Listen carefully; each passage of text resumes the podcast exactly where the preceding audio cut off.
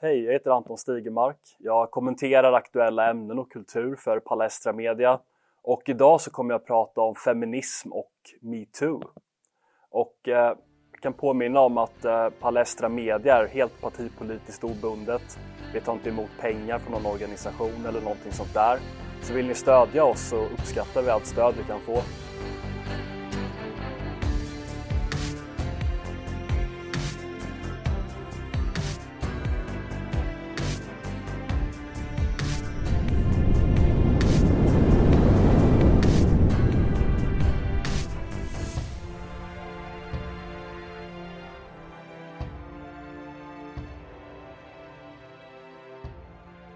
Patriotism is the last refuge of a scoundrel, Samuel Johnson. På detta sätt kunde den store brittiske kulturkritiken Samuel Johnson uttala sig om vilken nytta patriotismen kunde vara för genuint dåliga människor som ville gömma sig bakom dess fana. Citatet ska naturligtvis inte förstås av en sågning av patriotismen som fenomen. Däremot är det fallet att alldeles oavsett vilka värderingar som för tillfället är de rådande i ett samhälle så kommer det alltid att finnas usla människor som förstår att de kan maskera sin uselhet genom att åtminstone markera att de till fullo står bakom de värden som samhället anser vara de bästa. Och eh, i Dr Johnsons England så var patriotismen det värde som alla ville kännas vid. Det fanns ingen som inte ville bli betraktad som en patriot. I det samtida Sverige däremot så är patriotismen ett värde som få skulle komma på tanken att förknippa sig med med syftet att förbättra sin status i samhället. Det finns inget stort företag som låter potentiella arbetssökande förstå att de måste vara patrioter för att komma på fråga för en anställning. Det finns inte heller några kändisar eller influerare som tror sig kunna säkra lukrativa och köpstarka målgrupper genom att hänvisa till sin patriotism. I dagens Sverige är det helt andra värden som är de rådande. Det är mycket mer på modet att säga att man är för inkludering eller att man utan omsvep ställer upp på principen om allas lika värde samt att man ser de värden som mångfald kan tillföra en verksamhet. Detta är värdet som, värden som alla som vet vad som är bra för dem bekänner sig till i dagens Sverige även om övertygelsen bara går så långt som att gälla läpparnas bekännelse. Det finns ytterligare ett värde som bara måste nämnas i det här sammanhanget och det gäller feminismen. Feminismen är vad man kan kalla ett kardinalvärde vilket så gott som alla som är verksamma och framgångsrika i den svenska offentligheten ställer upp på. Eller mer korrekt, det är åtminstone ett värde som folk säger sig ställa upp på. Det är nämligen intressant att notera att det under så kallade metoo-upproret framkom att en lång rad så kallade vänstermän hade gjort sig skyldiga till sexuella trakasserier av sina kvinnliga kollegor vilka i sin tur tog tillfället i akt att ventilera ofta mångåriga missnöjen med hur saker och ting fungerat på arbetsplatser och i andra sammanhang där de hade verkat. Metoo har som så mycket annat sina rötter i USA och det gäller mer specifikt anklagelserna som riktades mot mediemogulen Harvey Weinstein. I Sverige var det medieprofilen Cissi Wallin som stod för uppstaten genom att hänga ut nöjeskrönikören och kände PK-profilen Fredrik Virtanen för en våldtäkt som ska ha ägt rum för väldigt många år sedan. Virtanen har under många års tid nu framstått som godheten personifierad i svensk media när flyktingkrisen nådde sina absoluta höjdpunkter under 2015 och 2016 och det började inkomma klagomål från människor i välfärdens frontlinje, alltså de som i första hand fick ta konsekvenserna av regeringens politik. Då var Virtanen snabbt ute och frågade om någon hade behövt köpa sämre rödvin än tidigare till följd av flyktingkrisen. Och Virtanen visade därmed att vanliga människors bekymmer, det betyder absolut ingenting för honom. Och där kan det inte sägas annat än att Virtanens gloria kom lite på kant när han inte långt senare hängdes ut som våldtäktsman av en kollega inom etablissemanget. Och Virtanens fall var på intet sätt otypiskt.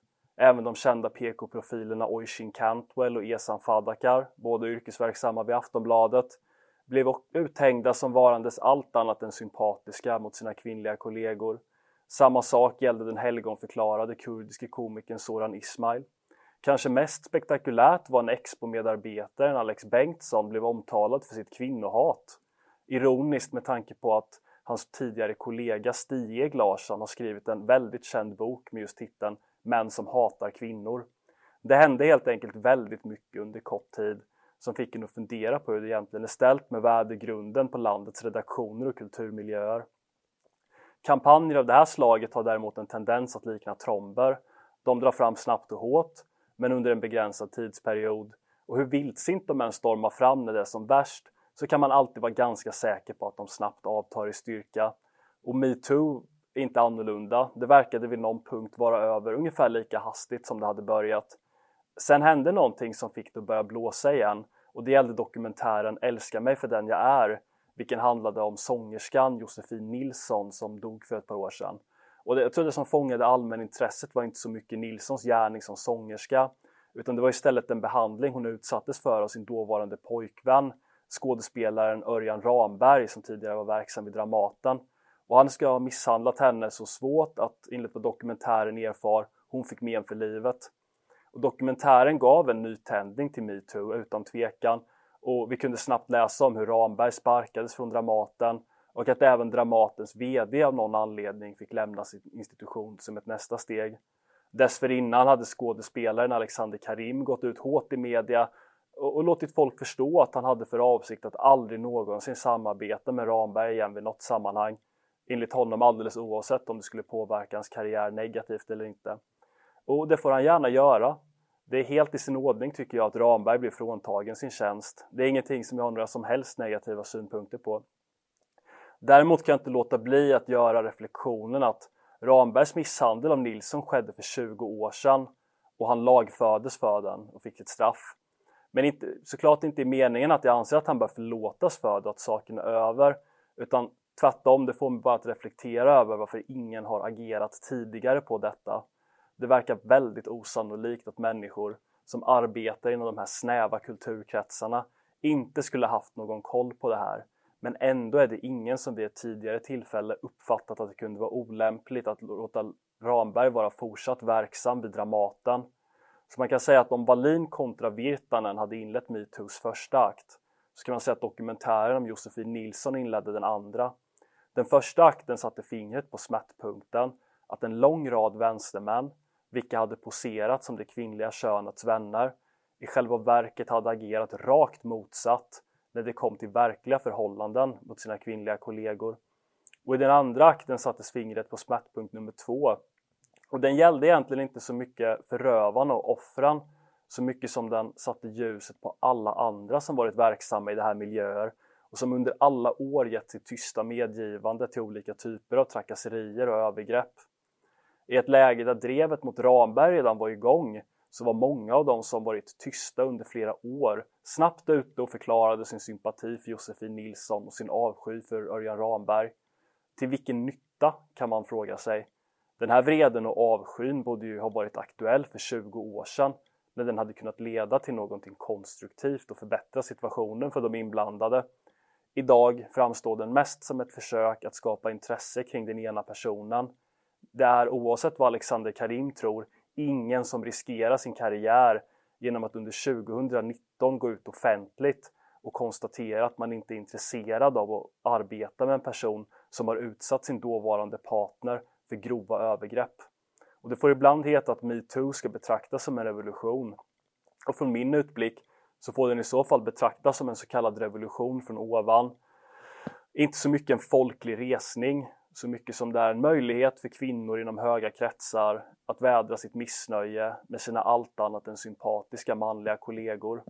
De som framför allt gavs utrymme i media under metoos fana, det var skådespelerskor inom film och teater, journalister, jurister och andra akademiker och inte minst politiker såklart.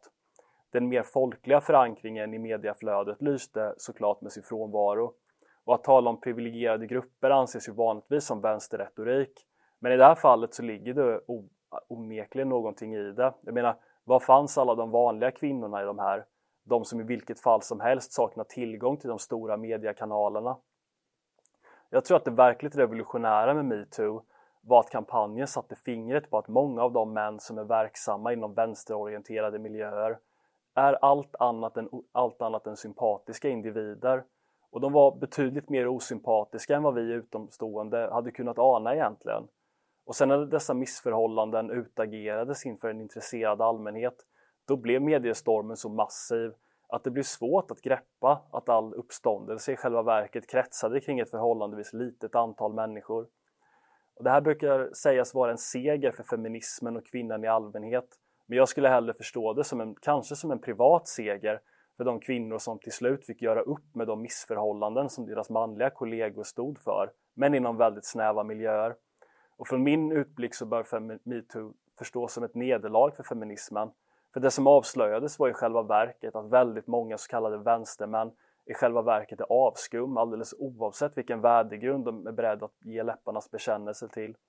Det kom också fram att det finns en beredvillighet att acceptera de här övergreppen inom media och kulturkretsar.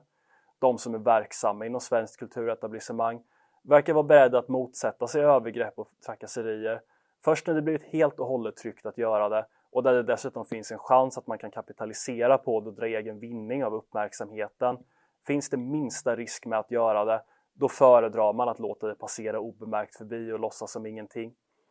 Det kanske låter som jag avfärdar metoo helt och hållet här, men det är inte riktigt sant.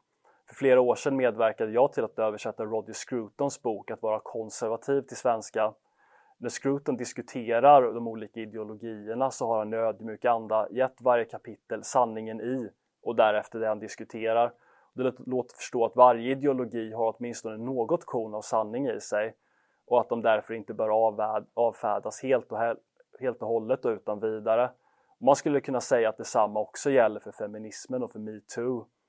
Och den här sanningen är att det finns många kvinnor som uppfattar att övergrepp såväl som sexuella trakasserier är ett betydande problem i deras vardag. Det var inte de som fick uppmärksamhet i metoo, men de, det finns där utan tvekan. Övergrepp är aldrig acceptabelt i något sammanhang. Men det är ändå ofrånkomligt att eftersom det är männen som har det fysiska överläget kontra kvinnorna så är det också män som bör dömas hårdast när det skett verkliga övergrepp. Det är männens uppgift att skydda kvinnorna och det är någonting som alltid ska tas på allvar. Och när kvinnorna upplever att det är ett problem så är det någonting som absolut inte ska ignoreras. Jag underkänner metoo på flera punkter och jag har förklarat varför. Däremot anser jag att männen kommer alltid ha ett patriarkalt och civilisatoriskt uppdrag att ta fram, att, att stå upp för kvinnorna och det är någonting som ska finnas kvar och bestå så länge civilisationen består. Tack så mycket för att ni har lyssnat.